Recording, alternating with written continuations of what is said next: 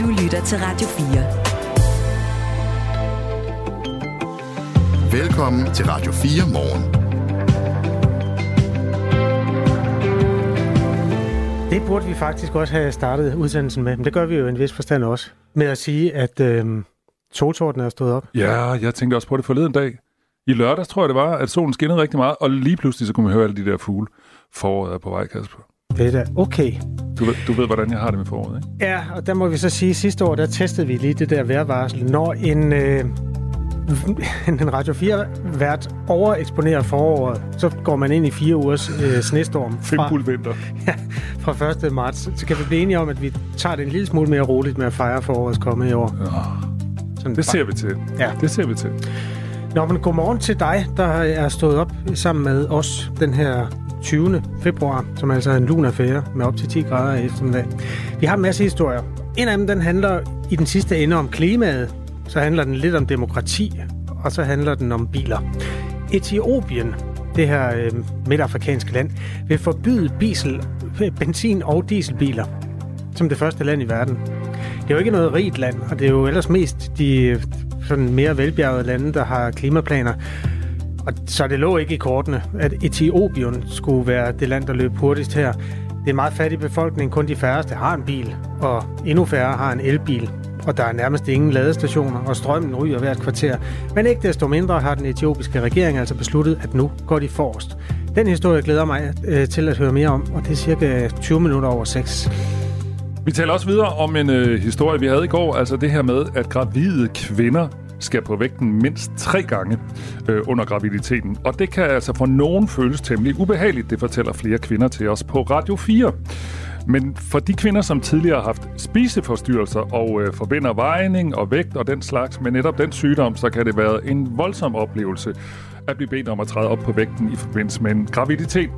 Og øh, Kvart i syv, der taler vi med øh, direktøren i Foreningen for Spiseforstyrrelser og Selskade, øh, Leila Valder hedder hun. Og lidt senere på morgenen, der taler vi også med en kvinde, som faktisk har haft øh, spi- en spiseforstyrrelse, og som synes, det var højst ubehageligt, at hun skulle på vægten, fordi hun selvfølgelig havde et øh, problematisk forhold til øh, vægte og sin vægt, øh, da hun blev gravid.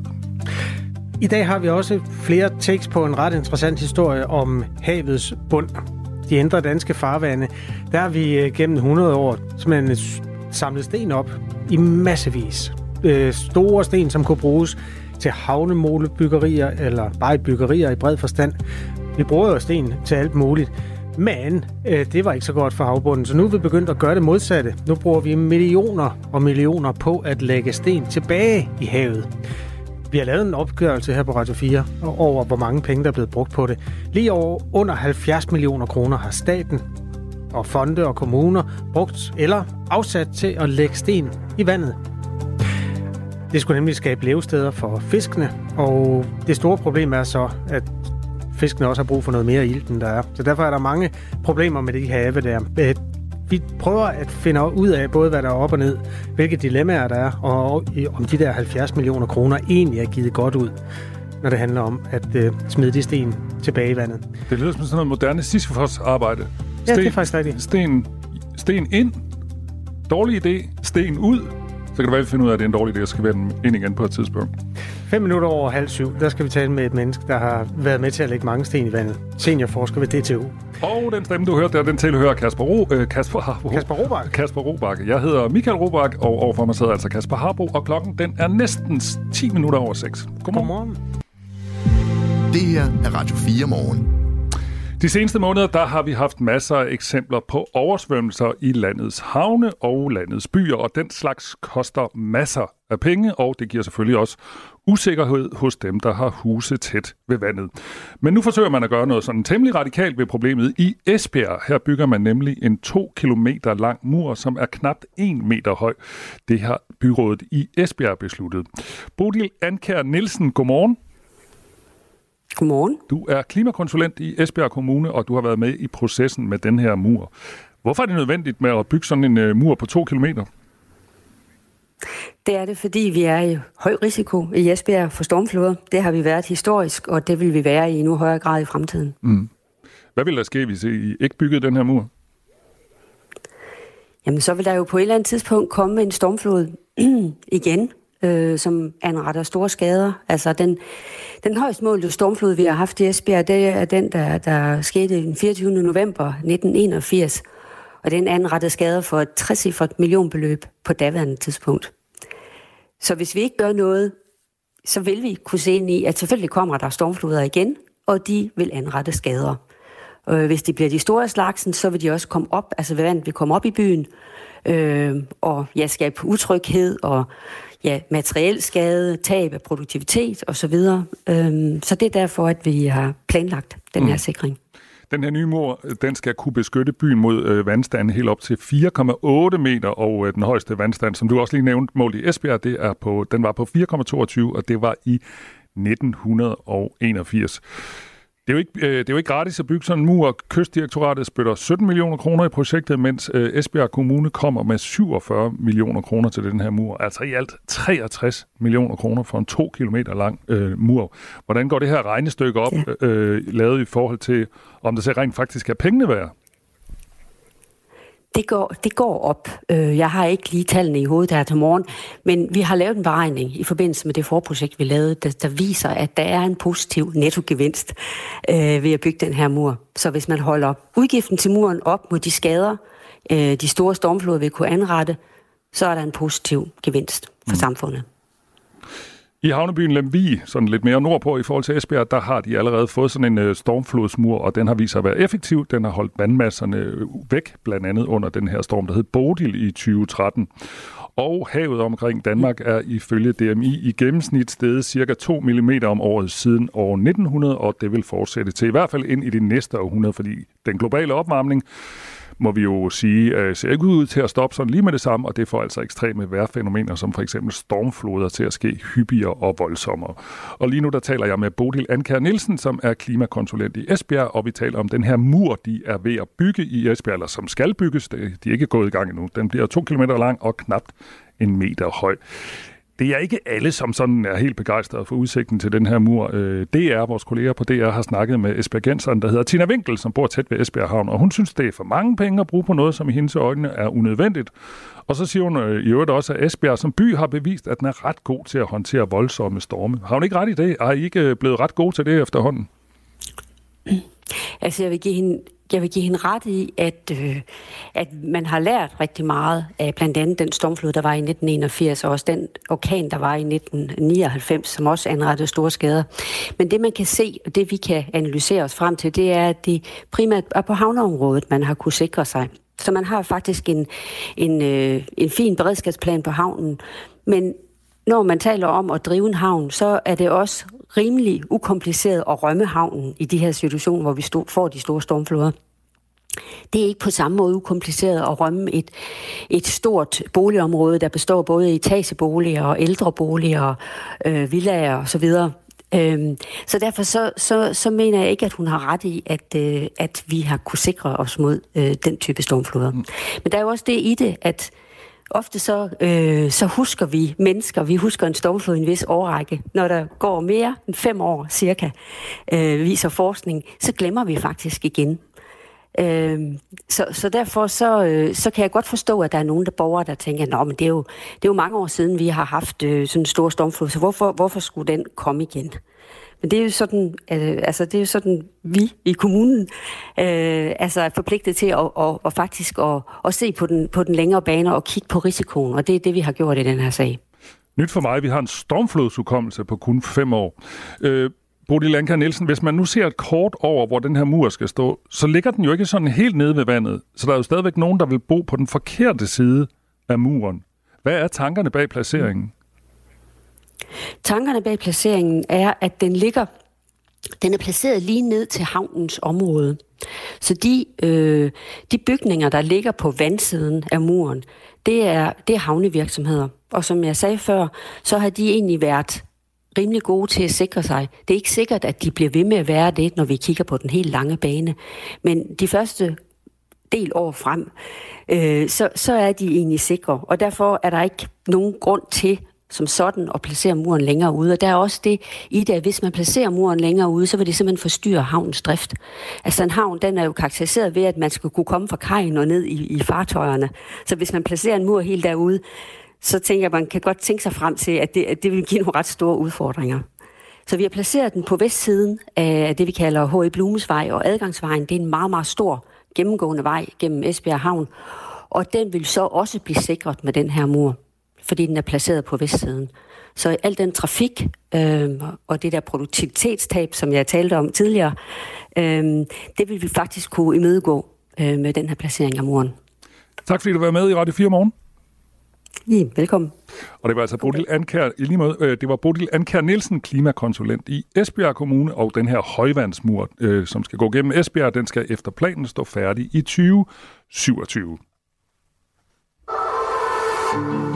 Skilsmisse, livskrise og en familie, der pludselig skal være to. Jeg har jo faktisk levet et liv med en person, jeg overhovedet ikke ved, hvem er. Lyt med, når Marie Slå McFordrup taler med en kendt dansker om det, der sker, når man bliver skilt. Tit og ofte jeg jo lugt på sikkerhedsscenen. Han har kørt rundt med sekretæren, hendes parfume stang sig, og det var nærmest som om, han havde et forhold nummer to til hende. Lyt til Skilsmissen i Radio 4's app, Du får jo ikke bare lige tæmmet en playboy. eller der, hvor du lytter til podcast. Radio 4 morgen, udråbstegn. Forår, spørgsmålstegn. Jeg citerer fra en sms fra Helle. Nødebuskene blomstrer. Henbærbuskene springer ud med små Sådan. grønne blade. Solstor- Soltorten synger forårssang. Tak til klima. Og så to udråbstegn og et godmorgen fra Helle. Åh, oh, jeg havde ikke lige set det sidste, fordi jeg tænker, Helle var på mit hold. Jeg er forårshungerne. Jeg er ligesom det her sted på året, hvor jeg tænker, hvert år, st- stopper vinteren. Bliver det det her år, hvor det bare bliver ved med at være mørkt, og så bliver jeg så glad, når de første forårstegn kommer. Mm. Nøde, nødebuskene, solsortene. Nu, nu skriver Helle så det med klimaet. Det er jo for tiden sådan lidt en malurt i bæret. Ja, når man tænker over det. Ja. Men du kan jo også bare tænke over, at øh, allerede for 20 år siden skrev Prince en sang om, at øh, det nogle gange sner i april. Det er rigtigt. Og det kommer det også til i år. Ja. Don't you worry. Altså nu er vi, vi er lidt på to forskellige hold, fordi du synes, rolig nu med det forår, Robak, og jeg er sådan lidt, kom nu med det forår. Så jeg vil bare sige til mig, dem der lytter med på 1424, de må altså gerne skrive forårstegn til mig. Det kan I gøre. Ja. Nummeret er 1424, og hvis I har klimabekymringer, så sender I dem også bare til Robak. Øh, jeg var ude og gå 12.000 skridt i går i solskinnet, og jeg vil Ja. bare sige, at den måde, man bliver tanket op på, er det lys, der er i øjeblikket. Nå. Det kan ingen vitaminpilleglas Nå. øh, gøre lige så godt. Og du er også glad for foråret. Ja. Komme. Ja, så vi kan tage hinanden i hånden en af dagene, og så gå en tur i gøre det. solskinnet. Det ville være både hyggeligt og romantisk. Øh, Radio 4 Morgen er i forårshumør. Klokken er 18 minutter over 6. Du lytter til Radio 4. Lad os øh, hoppe til Etiopien. Jeg tror, at vi har Stig Jensen med os, ja. Øh, så ja, godmorgen Stig, kan jeg lige så godt sige, når jeg nu har introduceret dig. Godmorgen. Godmorgen. Og nu skal jeg fortælle, hvorfor vi skal tale med dig. Øh, Sagen er jo den, at klimaet, som vi faktisk lige rundede for lidt siden, får en uventet hjælpende hånd fra et varmt og fattigt land i Afrika. Etiopien vil forbyde benzin- og dieselbiler som det første land i verden. Og det lå jo ikke lige i kortene, at de sådan mest ambitiøse klimaplaner skulle komme fra et af de fattigste lande. Det er et land, hvor det- de færreste har en bil overhovedet, og især der er en elbil, og der er nærmest ingen ladestationer og i øvrigt ryger strømmen nær til. Men nu har regeringen altså besluttet at gå forrest på dette område, og derfor er det interessant at tale med Stig Jensen, der er lektor på Center for Afrikastudier på Københavns Universitet. Og godmorgen for anden gang, Stig. Godmorgen. Det her med Etiopien, et afrikansk land, der går forrest i sådan noget øh, så ambitiøs klimapolitik, hvordan kan det være? Jeg tror, at den vigtigste årsag er, at der er penge i det. Altså, at det, som Etiopien meget tydeligt kan se, det er, at øh, hvis de går forrest i det her, øh, så er der gode muligheder for investeringer fra, øh, fra de store donorer i Vesten. Øh, og derfor så ser de, at de kan blive hjulpet i gang. Øh, Øh, og på den måde, på en eller anden måde, man kunne være benhård og sige, de kunne ligesom leapfrogge nogle af de der niveauer, som vi har gjort. Altså det her med, at ikke alle behøver en, en bil, der kører på fossile brændstoffer, men faktisk kom direkte til elbilerne. Så det tror jeg er deres primære årsag til at komme op med den her, man kan sige, den her vision om, at de vil, de vil omstille øh, inden for den her 10-årige periode fra øh, biler på øh, diesel og, øh, og benzin til elbiler. Øh, nu fik jeg sådan øh, anbragt hele Afrika i samme skuffe i forhold til klimapolitik, at det ikke er der, de mest ambitiøse mål kommer fra. Det er måske sådan en lidt grov generalisering, men altså i, øh, set fra din stol, øh, med overblik over hele kontinentet, hvor, hvor ambitiøs er man så i Afrika på det her felt? Ej, der er man meget, meget lidt ambitiøs, vil jeg sige. Og jeg vil sige, at det vi har set i de senere år, og især på grund af krigen i Ukraine, der faktisk, at vi har set mere en sort omstilling, end vi har set en grøn omstilling. At man har intensiveret udnyttelse af, af olie og gas, især på det afrikanske kontinent her. Så derfor er det her øh, noget, som, som ingen andre er i nærheden af i Afrika. Etiopiens transportminister, han hedder Alemo Sime, siger, at det nu har høj prioritet at få sat ladestandere op i en fart. Lige nu er der så godt som ingen, og Etiopien lider som mange andre afrikanske lande også af hyppige strømafbrydelser. Og så øh, kommer man jo ikke langt i en elbil, hvis der ikke er nogen strøm. Jeg kan ikke lade være med at tænke, når jeg hører den her historie, Stig Jensen, hvad ville danskerne have sagt, hvis det var her? Vi ville have sagt en hel masse. Hvad siger etiopierne? Jeg tror, at øh, dem, der overhovedet ved noget om det her, de ryster på hovedet. Og de fleste af dem, hvis du gik ud og spurgte, de, de vil sige, det her, det kan på ingen måde lade sig gøre. Øh, så jeg tror også, at vi skal være opmærksom på, at det her nok øh, langt hen ad vejen er et luftkastel.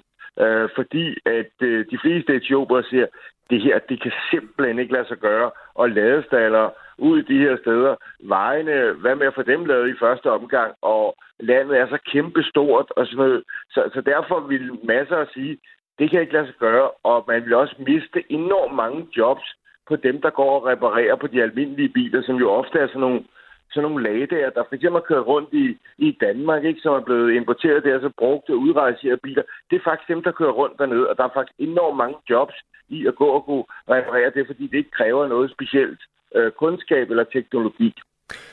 Jeg, jeg kører meget mellem Aarhus og København, og derfor bruger jeg GoMore, du ved, hvor man samler folk op, og så øh, får man en snak på vejen. Og der havde jeg en fyr med på et tidspunkt, der skulle en tur til Roskilde og hente en udrangeret dieselbil, der ikke havde alle de filtre, som vi godt kan lide her i landet. Og den skulle til Afrika. Altså, det var simpelthen en øh, industri for ham at, at sørge for at eksportere de der biler, som ikke længere kunne leve op til kravene i Danmark. Så alle vores gamle møgmaskiner, de kører rundt dernede. Det virker jo som en fuldstændig håbløs opgave at, at sige, at nu skal de have elbiler i stedet for. Det har danskerne jo ikke engang råd til. Nej, og det er også langt hen ad vejen en, en ufattelig vanskelig opgave, fordi som du også har fat i her, altså der er jo ikke, der er jo ikke der er så få elbiler i øjeblikket overhovedet, men, men det er jo også det her med, at folk er jo hamrende fattige. Ikke? Så det, at de skulle skrotte den bil, de har, og få råd til at købe en elbil, det er også et, et virkelig stort problem, fordi vi skal også være opmærksom på, at rigtig mange i Etiopien er ramt af den økonomiske krise, som landet er her. Samtidig med, og nu snakker vi om at sætte ladestander op, er der faktisk rigtig mange oprør rundt omkring i Etiopien, og jeg vil sige, hvis de virkelig ville gøre noget imod regeringen, så ville det nemmeste være også være at ødelægge ladestander her. Ikke? Så jeg vil sige, langt hen ad vejen, så er det, så er det her projekt det er simpelthen dødsejler fra dag et. Okay, det er da klar tale. Jeg taler med Stig Jensen, lektor på Center for Afrikastudier på Københavns Universitet. Nu vi har der, altså det her etiopiske demokrati, det, det, det lyder ikke som om, der har været en lang øh, høringsfase på det. Hvordan fungerer demokratiet? Kan de bare sætte sig sammen og beslutte sig noget, og, og så er det sådan? Ja, det må man sige. Altså det her, det, altså det demokrati, det er sådan set, øh, det er sådan set bare militærfolk i jakkesæt, ikke? Og, og, og, det, og det gør jo også, at øh, når, når nu ministre melder ud, som vi hører i den her sag her, så er det jo fordi, de kan og ikke fordi de, øh, øh de hvad det hedder, nødvendigvis. Og, og det, man også, det også synes er faktisk er interessant, det er også, at i Etiopien, der laver man ofte også en 10-årsplan, og derfor er det her faktisk også en del af en 10-årsplan her. Og det kan man gøre, fordi man sidder så benhårdt på magten. Men et er at lave politik og komme op med visioner og sådan noget, men et andet er at føre dem ud i livet. Og der er store udfordringer. Selvom jeg vil sige, at Etiopien har jo et, et kæmpe potentiale for at lave grøn strøm. Der er gode muligheder for vind. Øh, der er rigtig gode muligheder for solenergi. Og så har man jo fuldstændig forrygende vandkraftenergi, hvor man også, og man har lavet store dæmningsprojekter. Så der er ingen tvivl om, at der kunne være et kæmpe potentiale for de her ting. Der er bare andre ting i samfundet, der simpelthen går den modsatte retning. Stig Jensen øh, fortalte blandt andet om huller i vejene, som er et af problemerne. De etiopiske veje, der kører 1,2 millioner biler, og der, ud af dem, der er der 7.200, som er elbiler. Så øh, ja, der er et stykke vej endnu. Et, det her, det, det har du beskrevet som et forsøg på at tiltrække øh, sådan investeringer. Altså, det er en, altså, hvis vi skal kode det ned her til sidst, det er en fis i en hornlygte, og så er det en, et forsøg på at charmere nogle vestlige lande. Er det, er det en færre overskrift? Ja, det synes jeg, og, og man har jo også haft erfaring med at gøre det i andre øh, afrikanske lande. Igen fordi vi er så vilde for at få sat gang i den grønne omstilling øh, i, øh, i, i Afrika. Ikke? Og, og det er der simpelthen også nogle, nogle ledere, som, som, som på den måde taber ind til, fordi de jo selvfølgelig også gerne vil have en teknologisk udvikling, og fordi det at blive moderne med elbiler, jamen det vil der være altid, især hvis der er nogle andre, der betaler hovedparten af regningen. Så jeg tror, det er det, vi også meget skal se øh, i, i forhold til det her øh, initiativ, der, der er sat i søen. Tak fordi du vil hjælpe os med at forstå nyheden fra Etiopien, Stig Jensen. Ha' en god dag. Jo, tak lige måde. Hej. Hej, hej. hej. Tak skal du have. Øh, og Stig Jensen er lektor på Center for Afrikastudier ved Københavns Universitet, og nyheden er altså, at man i Etiopien vil forbyde de her diesel, diesel- og benzinbiler, der kører rundt i løbet af 10 år. Det kommer ikke til at ske. Det var sådan... Det var overskriften. I, i kort forstand det, vi fik at vide her. Det her er Radio 4 morgen. Afskaf værnepligten og gør både kultur og arbejdsvilkår bedre for soldaterne. Sådan lyder budskabet fra Tom Blok, som er forbundsformand i det, der hedder HKKF, som altså er soldaternes fagforening. I et debatindlæg i Politiken, der skriver han, fremtidens forsvar skal være professionelt med soldater, der har valgt en militær karriere frivilligt, som både kan og vil. I de seneste mange år har alle værnepligtige alligevel været frivillige, fortæller Tom Blok der er jo ikke nogen grund til at tvinge nogle folk ind i noget, øh, som de måske ikke vil, øh, og så bruge nogle penge på nogen, der ikke har en interesse i at fortsætte i forsvaret. Øh, der har vi mere brug for folk, øh, der gerne vil forsvaret, og også gerne vil være der i en længere øh, periode, fordi det er sådan set det, vi har brug for.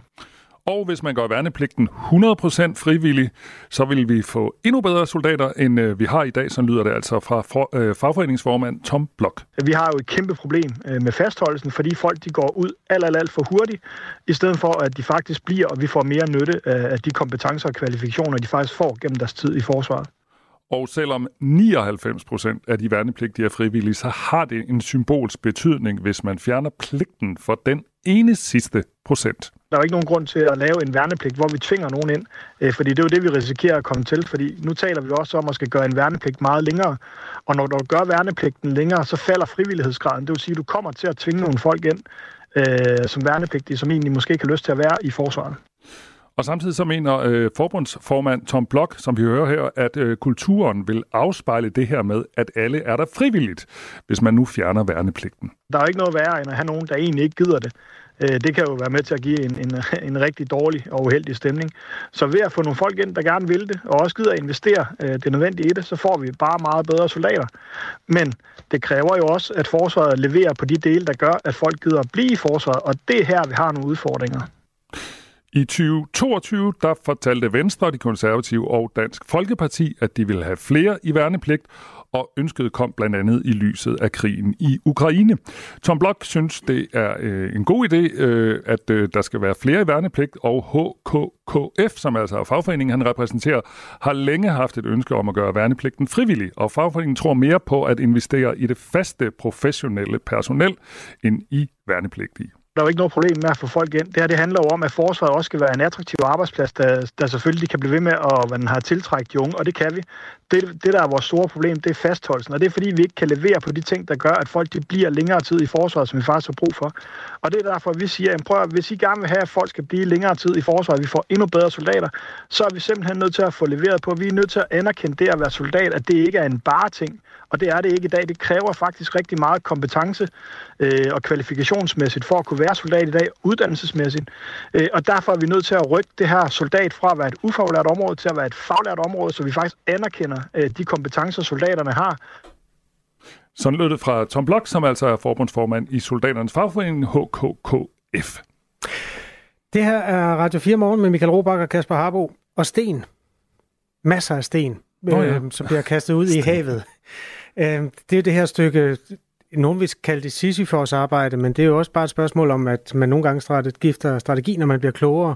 I mange år samlede vi stenene op fra havbunden for at bruge dem i byggeriet. Nu ryger de tilbage igen for at skabe levesteder for fiskene. Men der er en masse miljømæssige dilemmaer i det her. Og nogle af dem vender vi om 5 minutter her i Radio 4 morgen. Og nu er Henrik Møring klar med nyheder og vejr. Nu er der nyheder på Radio 4. Odense Kommune vil inden for to dage forsøge at skabe et overblik over anklager om vold, trusler og krænkelser af seksuel karakter mellem eleverne, som forældrene siger har fundet sted på Adrup skole. Det siger børn- og unge rådmand i Odense Kommune, Susanne Crawley Larsen til TV2 Fyn. Det bekymrer mig virkelig meget, når jeg får et brev, som er underskrevet af mere end 100 forældre fra en skole. Og derfor så arbejder forvaltningen også lige nu på højtryk for at få et overblik over, øh, hvad er der konkret sket, hvad, hvordan er der blevet handlet på sagerne. Forældrene skriver, at Adrup skole nordøst for Odense har været en tryg skole tidligere, men normalen har flyttet sig markant, skriver de ifølge TV2. En af de forældre fra Adrup skole, der har sagt fra, er entreprenøren David Kieler, hvis søn går i 8. klasse på skolen.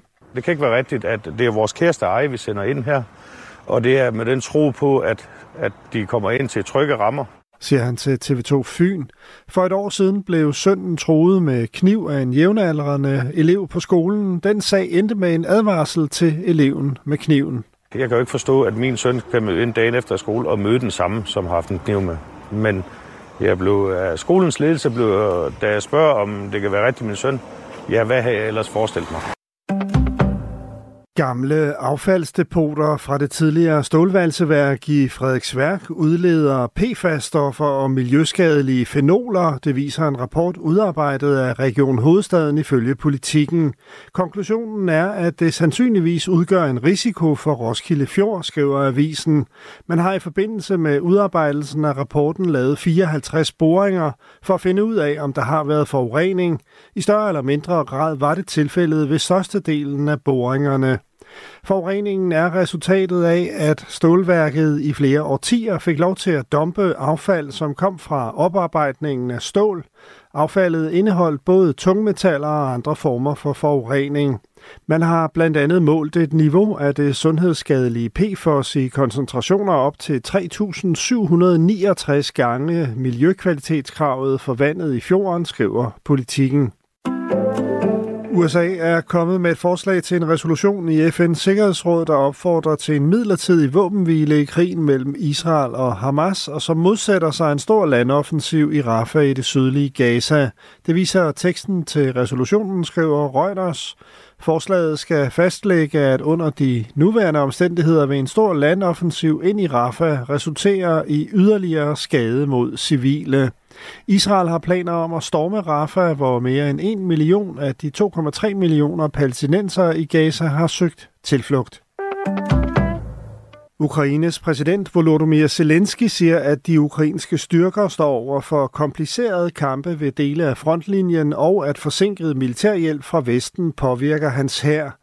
De russiske styrker er igen i offensiven i det østlige og sydlige Ukraine og erobrede byen Avdivka i den østlige del af Donetsk-regionen i weekenden.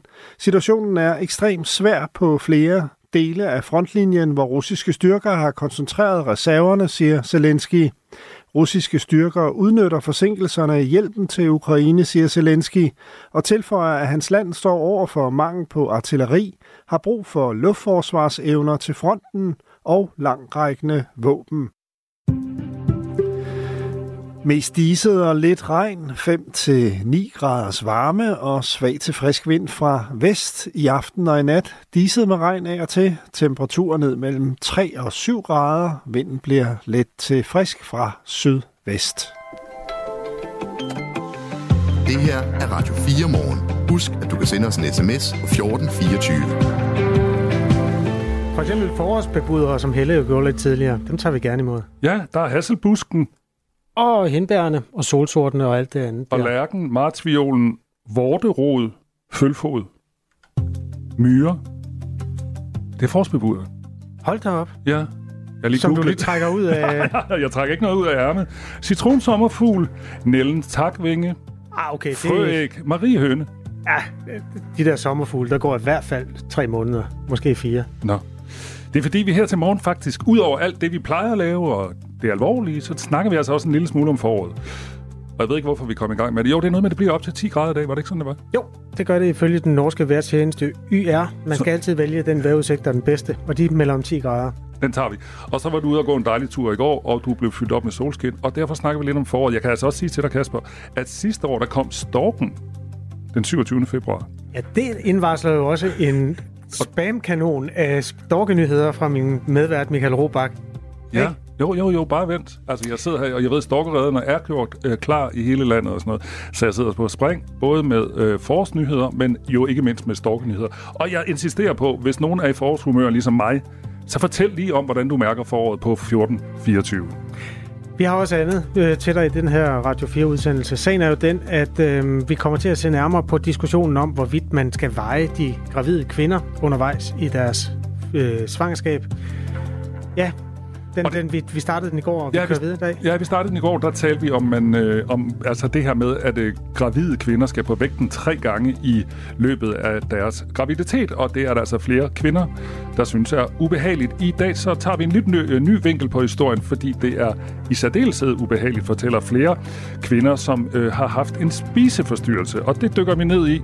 Om øh, cirka et øh, kvarters tid, så taler vi med Leila Walter. Hun er direktør i Foreningen for Spiseforstyrrelser og Selvskade.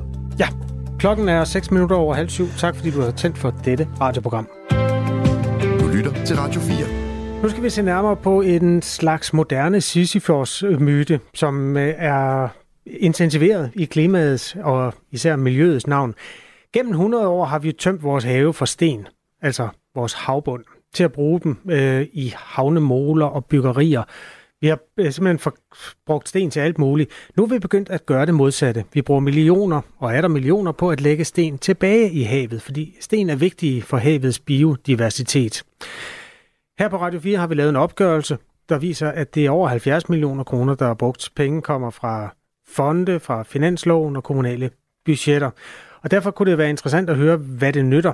Jon Christian Svendsen er seniorforsker ved DTU. Godmorgen. Godmorgen, godmorgen. Du har været med til at anlægge rigtig mange af de her stenrev. Øhm, hvad gavn gør det, når man øh, smider sten ud på havbunden? Stenrev de skaber nogle levesteder for en række organismer, øh, fiskearter blandt andet, øh, som indfinder sig i områderne øh, ret hurtigt, øh, efter at stenrevene er lagt ud. Derudover så, hvis der er lys ved havbunden, der hvor stenene bliver lagt ud, så vil der også ofte komme en tangskov, altså en, en vækst.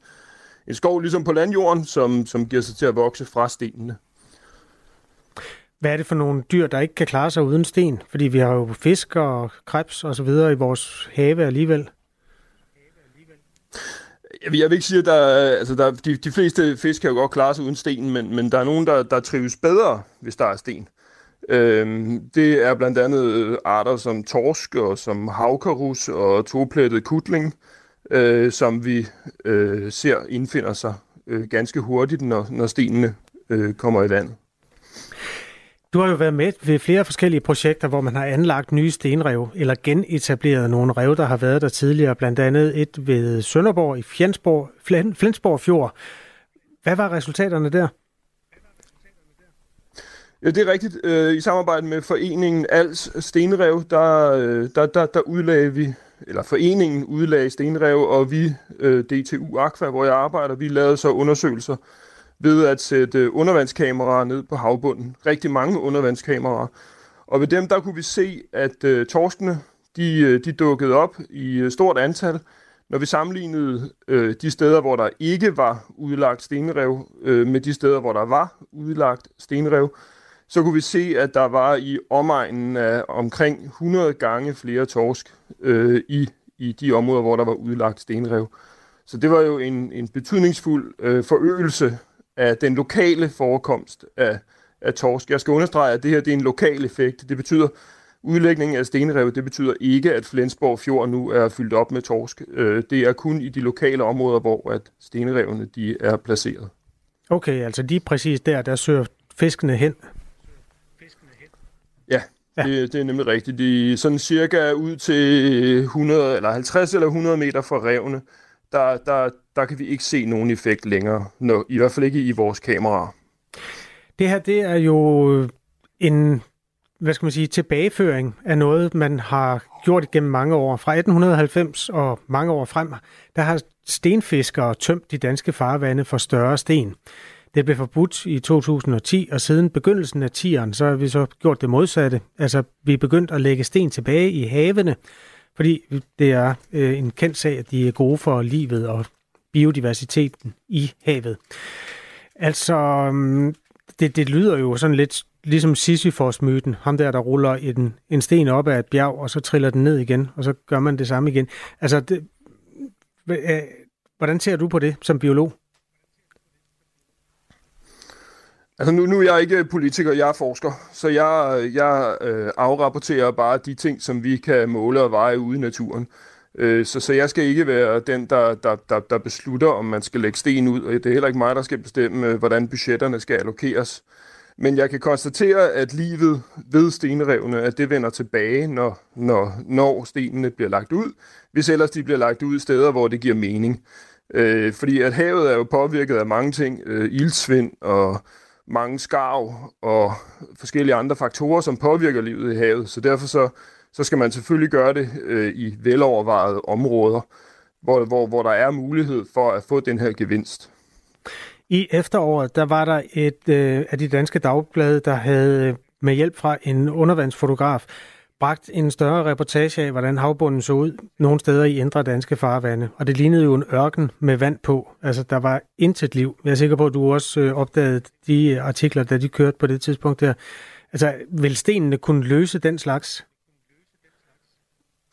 Altså, sten er jo ikke et, øh, sådan et, et middel, der kan klare alle ting. Det, man, det, som, som, som sagt, så er det vigtigt, at man, at man øh, kigger overordnet på, på tilstanden i havet, og hvis der er ildsvind, eller hvis der er rigtig mange øh, skarv, som, som spiser alle fiskene, eller andre forhold, som, som gør det svært øh, for, for fiskene og livet i havet at klare sig, jamen så, så skal man også gøre noget ved de forhold. Øhm, vi er begyndt at, øh, øh, og det, det er der også andre projekter, blandt andet øh, Sund Vejle Fjord, der, der gør, at de også øh, beskytter deres øh, stenrev imod øh, fiskeri således at øh, revne er, er beskyttet øh, både nu og så også i fremtiden, når, når og hvis fiskene så vinder sig tilbage. Øhm, og det, det er jo så også et værktøj, man, man, man kan tage i brug, når, når det er, man etablerer nye levesteder til, til, til livet i havet. Så på den måde, der, der vil jeg gerne understrege, at, det er, at stenrev er, er en god ting, men det er vigtigt, at man kigger sådan overordnet eller holistisk på, på forholdene i havet, og man gør noget ved, ved mange forskellige ting øh, og gerne samtlige øh, dele af en fisks livscyklus. Øh, en liv, en, de mange fisk har jo en, en meget kompleks livscyklus, altså med alle mulige forskellige øh, levesteder, og de skal jo så alle sammen være i orden, de her levesteder, for at fisken den kan klare sig. Øhm, og så, så, så derfor så vil jeg gerne understrege, at øh, stenrev er godt, men det er vigtigt, at man, at man gør mange gode ting for havet, hvis vi gerne vil have livet tilbage i havet. På Radio 4 har vi undersøgt, hvor mange penge, der bliver brugt på at lægge sten tilbage i det danske farvande. Tallet er minimum 68 kroner. Øh, nej, 68 millioner kroner, naturligvis. De her 68 millioner kommer fra fonde og fra finansloven og kommunale budgetter. Og der bliver oprettet og genetableret stenrev rundt omkring i landet, fra Læsø til Limfjorden, til Køgebugt og Flensborg Fjord. Senere på morgenen får vi besøg af Nikolaj Bang, der er rådmand i Aarhus Kommune. I budgettet for Aarhus sidste år afsatte man 10 millioner kroner til at genetablere stenrev i Aarhusbugten. Aarhusbugten er jo øh, sådan flittigt benyttet af fiskere, også altså både øh, eller hvad hedder det, fritidsfiskere især, ikke? Og den indeholdt jo både torsk og fladfisk i stort mål i gamle dage. Hvis stenrevne får de fisk tilbage i store mængder? Nej, isoleret set, så, så ved stenrevne, så er, der ikke, der, så, så er der ikke grund til at tro, at øh, Aarhusbugten lige pludselig bliver, bliver proppet med fisk igen, som den var for 100 år siden. Øh, det, den, den, den virkning kan øh, og har stenrevne ikke. Øh, men stenrevne kan være med til at e-, etablere nogle levesteder øh, for torskene og andre fiskearter i øvrigt. Øh, Øhm, således at når de begynder at vende tilbage, hvis man får gjort noget ved alle de andre øh, forhold, øh, øhm, at så vil, så vil der være bedre levesteder. Og jeg er også øh, forholdsvis sikker på, at hvis, hvis man lavede en undersøgelse af virkningen af stenrevne, den lokale virkning, at så vil man se, at der kommer flere arter som havkarus og toplettekutling og torsk og lignende arter, som, som trives ved øh, stenrevne. Og man vil også se, hvis ellers der er lys ved havbunden, øh, øh, at der kommer en, en, en tangskov, altså en kraftig bevoksning, som skaber nogle, nogle fordelagtige levesteder ved, ved havbunden. Øh, så, så lokalt set, der, der vil man se en effekt. Men, men det er ikke sådan, at øh, Aarhusbugten den bliver fyldt op med fisk øh, fordi at man lægger stenrev ud nogle enkelte steder. Tak for det svar, og alle de andre. Jon Christian Svendsen, seniorforsker ved DTU. God dag til dig. Det er klokken kvart i syv, at Nikolaj Bang, der er rådmand i Aarhus Kommune, han kommer i studiet her. Lige nu er klokken kvart i syv. Gå på opdagelse i et univers af podcast i Radio 4's app. Du kan finde alt lige fra undersøgende dokumentar til de bedste portrætter og stærke politiske debatter. Download Radio 4's app og få meget mere Radio 4.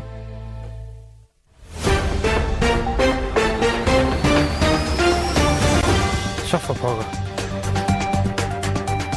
Vi skal lige vente på øh, det vigtige. Kommer nu. Ja. Skru op. Okay. Nå, frøerne. Nej, det er storken. Det er storken, der knipper. Ja. Ved det virkelig det? Ja. Okay. Det tror jeg. Nå, der er breaking news. Vi sad og snakkede om øh, forårsbebudelser for et øjeblik siden, og jeg øh, sagde, at sidste år der kom storken 27. februar, og det er jo en forårsbebuder. Mm. Og så gik der altså ikke ret lang tid. Så skrev øh, Lasse til os, storken landede på stævns i weekenden. Ja. Og øh, så har vores søde producer Stefan, han har været inde på Facebook, og øh, Randi, øh, hun har taget et billede af en stork, og hun har skrevet, stork set ved Strøby på Stævns den 17. januar, har aldrig før set stork på de her kanter, og jeg har googlet som død og helvede. Jeg kan ikke lige se så mange andre, der har beskrevet det, men vi må jo stole på, det her er et dejligt billede af en stork, der ligesom går rundt i en mark. Okay, jamen så, altså, det er både tidligt, og det er et nyt sted. Har den, Øh, ja, Skal den have et navn, så det plejer at være det første. Så skal den hedde Flemming, eller er Emil fra Lønneberg, eller sådan ja, noget. og ja, tit så kom, får det jo sådan et navn, der er lidt oppe i tiden, så man skal måske lede efter et navn, der er lidt oppe i tiden. Jeg ved ikke, hvem det er. Frederik. Nå, efter kongen. Rasmus. Efter Højlund. Mm. Ja, der er flere muligheder. Det var, ja, men jeg er jo helt glad og lettet. Det er jo årets ja. første storkenyhed, og for nye lyttere kan, man, kan jeg jo lige sige, at jeg passer storkestoffet nidkært her på Radio 4. Altså, vi skal lige have det bekræftet, øh, men der er altså et billede af en stork øh, på Stævns, som altså er øh, sådan på det sydøstlige Sjælland. Storke News. Ja, det var breaking nyt i den sammenhæng. Hvis du ser en stork, så skriv til Michael Robach på øh, 1424. Det her er Radio 4 morgen. Her på Radio 4, der sætter vi i den her uge fokus på de vejninger, som kvinder skal have foretaget under deres graviditet. For de kan opleves som ubehagelige, det fortæller flere kvinder til os her på radioen. Derfor er det måske på tide at diskutere om vejning og udregning af BMI skal indgå som en del af det øh, almindelige graviditetsprogram. Sådan sagde Bolette Friedrichsen øh, til os i går. Hun er formand for Dansk Selskab for Almen Medicin, og så er hun også praktiserende læge. Øh, jeg kan da godt forstå, at der er nogle kvinder, der synes, det er ubehageligt at få at vide, at hvis de har et BMI over 27, så er der noget i vejen med deres krop. Øh, BMI på 27 er jo ikke i dag ret meget. Så, så øh, lige netop det her med at få at vide, at, øh, at du har en forkert vægt, det, er jo- det er jo altid ubehageligt. Det er altid stigmatiserende. Men særligt ubehageligt og direkte problematisk kan de her vejninger blive, hvis den gravide tidligere har haft et øh, sygeligt forhold til kost og dermed vægt. Det siger blandt andet Inger Bolts. Hun er klinisk diætist med speciale i vægtneutral sundhed. Jamen, den øh, problematik, den, den kan jeg fuldt ud genkende ved mine egne klienter, øh, og det er velkendt øh, i øh, sundhedsdebatten i dag, at, at vejning, altså at folk i det hele taget, det, øh, uanset om vi taler børn øh, til skolevejningerne, eller gravide, eller vejning i det hele taget, vejning er forbundet med et meget, altså en, en meget større skam, en meget større stress, end vi ligesom har haft øh, forståelse for i de senere år. Så, så jeg forstår fuldstændig problematikken ved de gravide. Nu skal vi tale med Leila Walter, der er direktør i Foreningen for Spiseforstyrrelser og Selvskade. Godmorgen. Godmorgen. Hvilke problemer opstår der egentlig, når en gravid, som tidligere eller nu, altså, eller har en aktiv spiseforstyrrelse for eksempel, bliver bedt om at skal veje sig og forholde sig til sin vægt? Jamen, det kan betyde, at den kropsutilfredshed og øh, øh, de mange forskellige dele, der er ved at have en spiseforstyrrelse, bliver forstærket.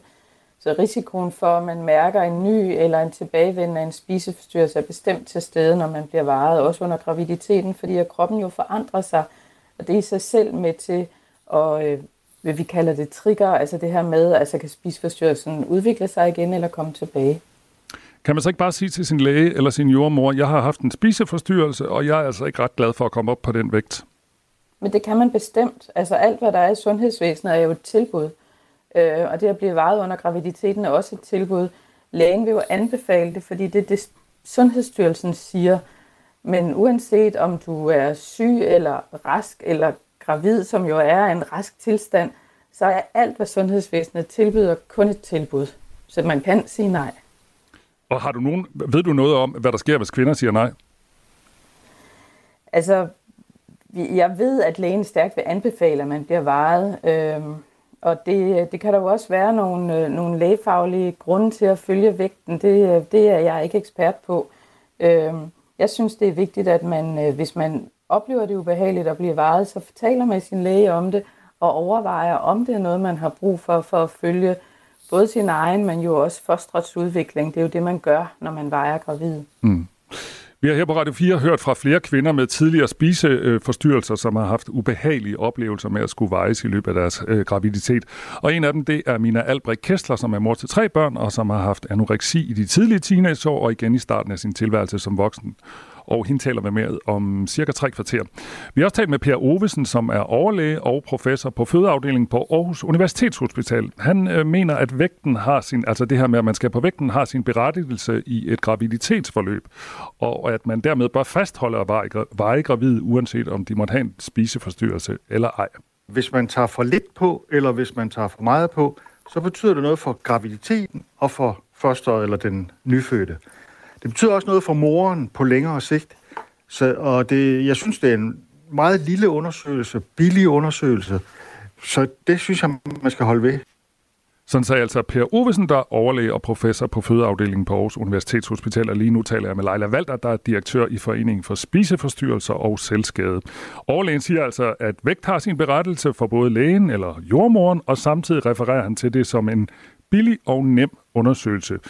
Hvis det er den lægelige vurdering, bør man så ikke fastholde vejningen, også selvom øh, patienten, skulle jeg til at sige, eller den gravide har sådan en forhistorie med, med, med forskellige øh, spiseforstyrrelser? Altså, man bliver nødt til at tage meget alvorligt, at det giver en risiko for, at spiseforstyrrelsen kommer tilbage, og det vil være en alvorlig risiko for både mor og barn. Hvis der skal veje, så anbefaler vi helt klart, hvis man har eller har haft en spiseforstyrrelse, at man bliver vejet af den samme igennem hele forløbet, og at det skal helst være en med en special ekspertise på netop spiseforstyrrelser. Det kunne være sådan, at man blev tilknyttet en, en læge, øh, som, som havde de her særlige faglige ekspertiser. Øhm, og så vil jeg bare vende tilbage til at sige, at det er jo en anbefaling. Det er ikke noget, man skal skal. Det er noget, der bliver anbefalet, at man gør. Og så må man jo vurdere, hvordan, hvordan det opleves for en selv at blive varet. Og hvis det giver en tilbagevendelse til spiseforstyrrelsen, så må man sige til sin læge, jeg har brug for, at det her bliver håndteret på en anden måde. Er der simpelthen, øh, bare lige for, jeg kan forstå det rigtigt, øh, Leila Valder, altså er mm. der nogle mennesker, der er særlig specialiseret i at tage sig af folk med spiseforstyrrelser, når de er gravide? Altså, der er en stor ekspertise i psykiatrien omkring spiseforstyrrelser, og de vil jo også rigtig meget ofte have mødt mennesker, som har anoreksi eksempelvis, og er gravide. De har den her særlige ekspertise. Man kunne overveje at lægge opgaven hos dem. Øh, det er vigtigt at finde en, som den gravide er tryg ved, øh, hvis man vil anbefale det her med, at det er vigtigt, at du bliver varet. Det kan jo være nogen, som, som har en lav vægt, og derfor skal følges særligt. Øh, jeg vil sige, det vigtige er, at der er en tryghed omkring hele situationen, sådan så man ikke får den her risiko for at få en spisforstyrrelse igen. Vi havde nogle eksempler i går fra nogle kvinder, som så ikke havde spiseforstyrrelser, men sådan, øh, havde, alligevel havde øh, haft ubehagelige oplevelser ved at komme op på vægten. Og det handlede også rigtig meget om kommunikationen, altså hvor, hvor de fortalte, at de sådan følte sig udskammet. Hvor, meget, hvor vigtig er kommunikation i forhold til dem, der har spiseforstyrrelser? Men det er vigtigt for alle mennesker at blive mødt respektfuldt øh, og i et ligeværdigt rum. Og det er selvfølgelig særlig vigtigt for en øh, en, der har eller har haft en spiseforstyrrelse, som i forvejen vil have det svært med de meget store kropsforandringer, der sker, når man bliver gravid, fordi det svarer jo lidt til at tage på. Og det er noget af det, som mennesker med anoreksi tidligere, mens de har en spiseforstyrrelse, er jo bange for at tage på. Så det, at, øh, at vægt er et tal, men ikke noget, vi roser eller udskammer, øh, er særlig væsentligt i kommunikationen, og det er det til alle mennesker, men selvfølgelig særligt til dem, der har en risiko for en spiseforstyrrelse. Nu har du nævnt et par gange, Leila Valter, at øh, der er jo ikke noget lovkrav om, man skal stille sig op på den vægt, men det kan måske kræve noget styrke at sige nej til sin læge. Altså, der er jo mange af os, der sådan er autoritetstro, og måske også er lidt konfliktsky. Det er ligesom det ene. Det ene er, at man kan bare sige nej, hvis man har mod til det. Men hvordan tænker du egentlig, man kan løse den her problematik bedst? Altså, skal man, altså det er jo nogle anbefalinger fra Sundhedsstyrelsen. Burde man droppe de her anbefalinger, eller hvad tænker du?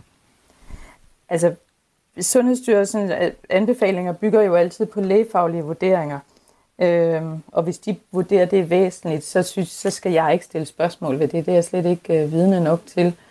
Øhm, men på samme måde som en læge vil sige, inden du skal ind til en operation, du skulle nok holde op med at ryge, så er det jo dit eget valg, om du holder op med at ryge eller ej. Mm. Og det var vigtigt at sige, at det gælder alle anbefalinger fra sundhedsvæsenet. Det er dit eget valg.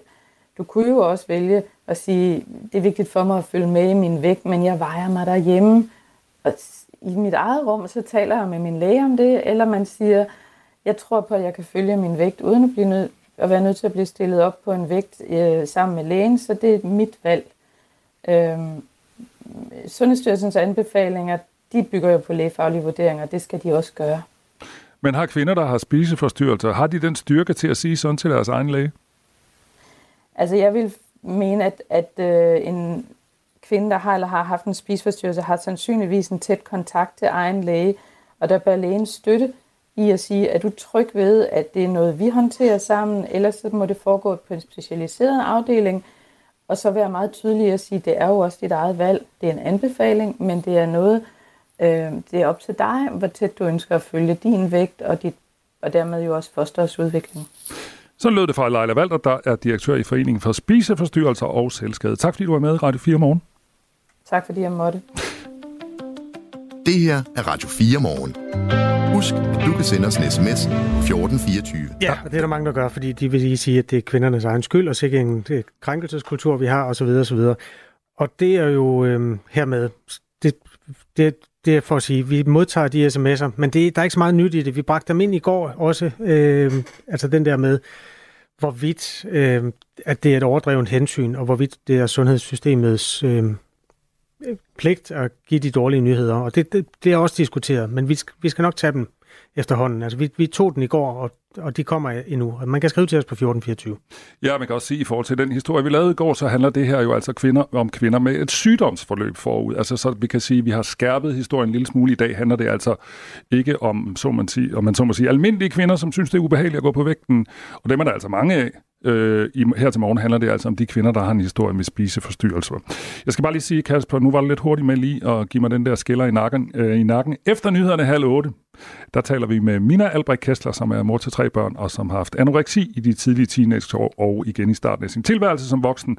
Og hun har også en holdning til det her med at komme på vægten, når man har en spiseforstyrrelse. Klokken er to minutter i syv. Om cirka syv minutter kan du høre om Davids dreng, en søn, der går i 8. klasse på en skole ved Odense, som er blevet troet med en kniv.